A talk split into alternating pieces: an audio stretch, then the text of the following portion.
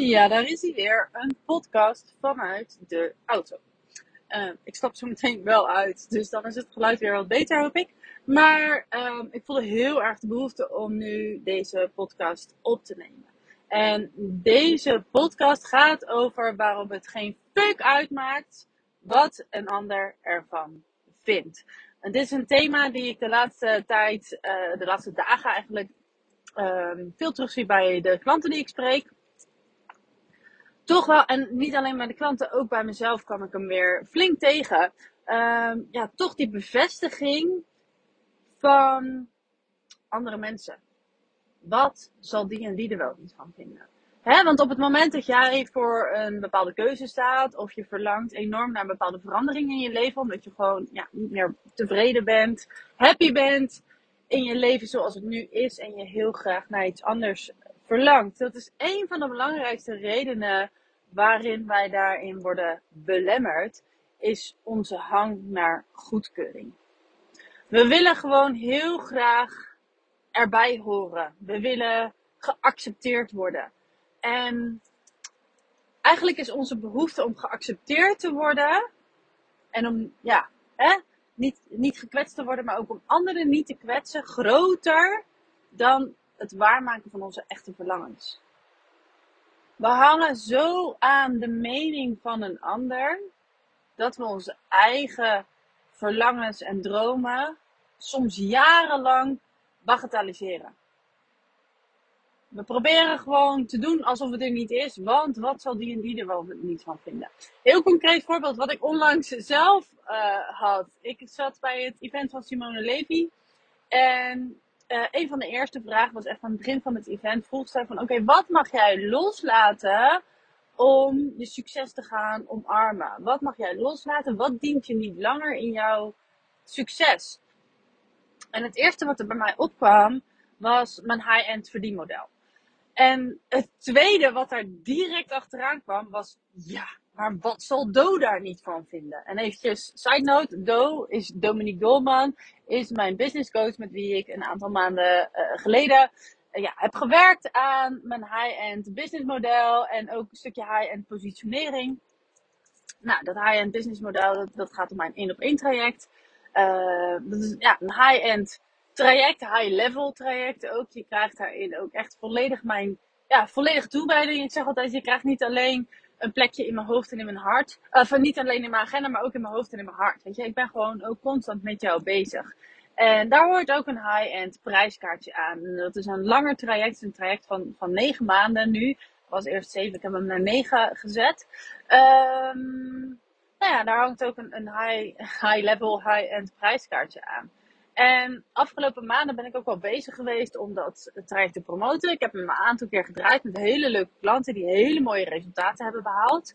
En toch in deze afgelopen twee promotierondes uh, lukt het me niet om ze aan de man te brengen. Om er echt uh, de juiste klanten voor te vinden. Want weet je, voor dit programma moet je klaar zijn. Je, je moet hier als jij nog aan het begin staat, dan kan je dit nog niet dragen. Dit is echt wel next level spirituele ontwikkeling. Uh, daar moet je klaar voor zijn.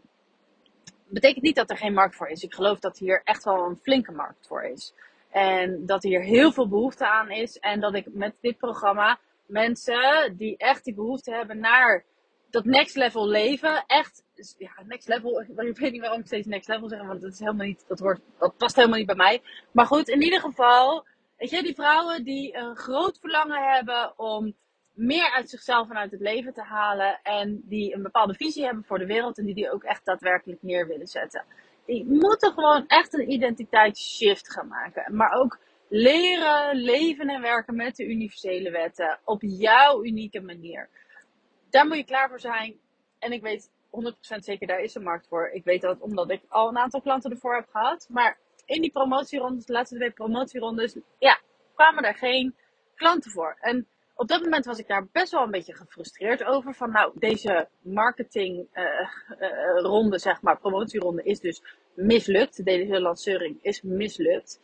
Uh, terwijl ik heel veel hele leuke gesprekken had met, met hele leuke vrouwen die ja, die echt wel een verschil willen maken. En ook, nou, dit zijn vooral vrouwen die of net uit loondienst zijn, dus echt die stap net hebben gezet, of die stap heel graag willen zetten om fulltime te gaan ondernemen. Um, en hiermee aan de slag te gaan. Met, met het grote plan of idee dat ze hebben aan de slag te gaan. Maar die zijn nog niet zo ver dat ze echt zo'n zo'n high-level uh, traject kunnen dragen. En dat is ook helemaal oké. Dus op dat moment ja, was ik een beetje gefrustreerd daarin. Nou ja, even terug naar, ga terug naar start. Dat was dus waar ik met Dominique uh, maanden aan heb gewerkt. Nou, heel, helemaal mooi, helemaal leuk. En het past op zich ook bij me. Maar de afgelopen tijd had ik ook wel twijfels rondom bepaalde onderdelen van het programma, zeg maar. Ik heb het nu een paar keer gedaan. Nou ja, op zich werkt het, weet je wel. Maar het voelde niet helemaal eigen. Het voelde alsof ik een, toch een, stiekem een jas van een ander had aangetrokken. Met dat, uh, met dat high-end stukje, zeg maar. En uh, ja, dat was eigenlijk het belangrijkste inzicht dat ik ook had. Van, oh wauw, weet je, ik heb per ongeluk daarin toch een jas van een ander aangetrokken. Wat mij eigenlijk niet helemaal lekker past. Dus volgens mij mag ik die jas gaan uittrekken. En mag ik dan dat high-end stukje nu eventjes los gaan laten. Uh, als in niet dat het programma niet meer bestaat, want het programma is fucking waardevol. En ik weet dat ik hier zoveel mensen mee kan helpen, maar dat ik het even los mag, mag laten als in van ik moet dat verkopen. Snap je? Um, dus ik mag dat stukje los gaan laten en ik mag het weer eigen maken. Dat is wat ik heel erg doorkreeg. Maar dus het tweede wat er gebeurde was meteen van oké, maar wat zal Dominique daarvan vinden? En dat voelde ik zeg, nee, ja, nee, maar dat is helemaal niet belangrijk wat Dominique daarvan vindt. Maar toch voelde die wel zo van, ja, we hebben daar aan, gewerkt, weet je. Ik heb haar eh, betaald om hier, uh, om dit neer te gaan zetten. En dan doe ik er niks meer mee of zo. Dat voelde, ja, nou ja, gewoon niet fijn. En toch gewoon heel erg bezig met wat de ander daarvan van zou uh, vinden. Terwijl ik zelf heel erg sterk voelde van, oké, ik, ik mag dit voor nu eventjes um, los gaan laten nu in deze fase, um, ja, kan ik daar heel snel aan voorbij gaan. Maar ik heb zelf mijn grote transformatie. Dus hè, voor mij was dat vooral dat stuk um, loskomen uit mijn, van mijn baan in loondienst en echt fulltime gaan ondernemen. Die droom, dat verlangen heb ik heel lang uitgesteld. Uit angst voor de reacties van anderen. En ook als ik de mening van anderen vroeg. Ja, nee, maar ja, wat heb je nou te klagen? En je hebt het toch niet slecht? En en dacht ik, nee ja, wat zullen die er dan wel niet van vinden als ik het wel ga doen? Um, het is wel grappig, want ik had een paar dagen later met, met Dominique uh, contact uh, via DM. En ik vertelde dit ook. Van ja, het is toch grappig hè, dat ik dan, hè, ik voelde heel sterk van dat stukje mag ik nu even loslaten. Uh, en dan het eerste wat er in me opkomt is, ja, maar wat zou Do daarvan vinden? En Do zei, precies wat ik ook wist, van ja, maar Do vindt daar helemaal niks van. Do wil gewoon dat jij gaat doen waar jij je goed bij voelt, waar jij je gelukkig van, bij voelt. En dit heb je nu even gedaan, weet je, misschien kom je erachter dat het toch niet helemaal voor jou is. Nou, dan, dan is dat zo. Dus dat wil ik je ook meegeven. Heel vaak maken wij het in ons hoofd zoveel groter dan het is, wat een ander ergens van zou kunnen vinden.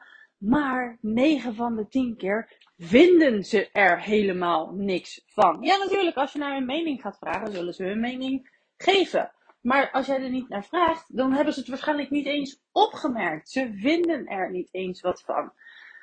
Dus maak je, je angst voor de mening van anderen, want 9 van de 10 keer is het niets meer dan dat. Jouw angst voor de mening van een ander niet groter dan je verlangen. Want jouw verlangen heb je niet voor niets. Ik geloof dat jij geboren bent met dit verlangen.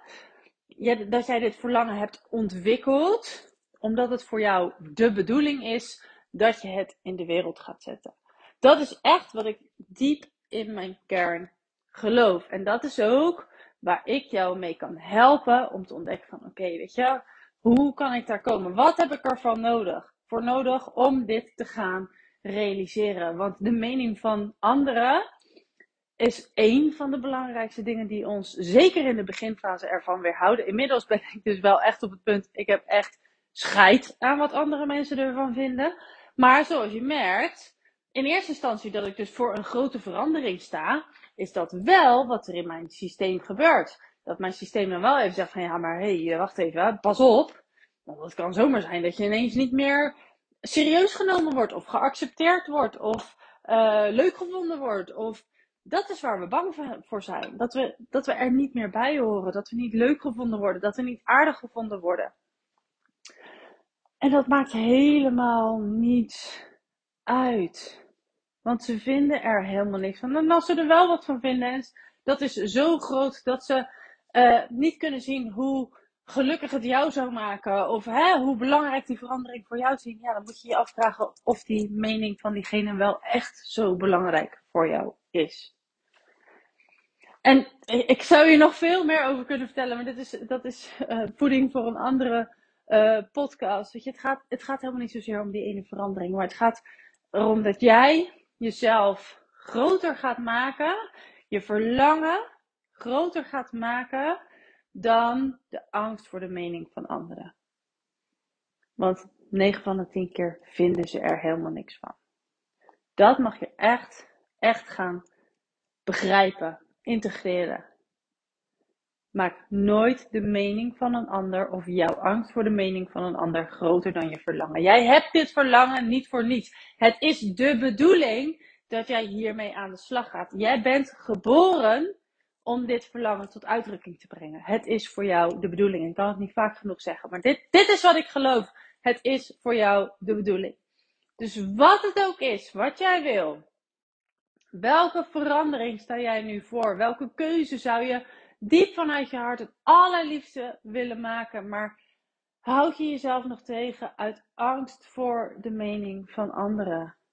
Laat die angst los en zet de eerste stap.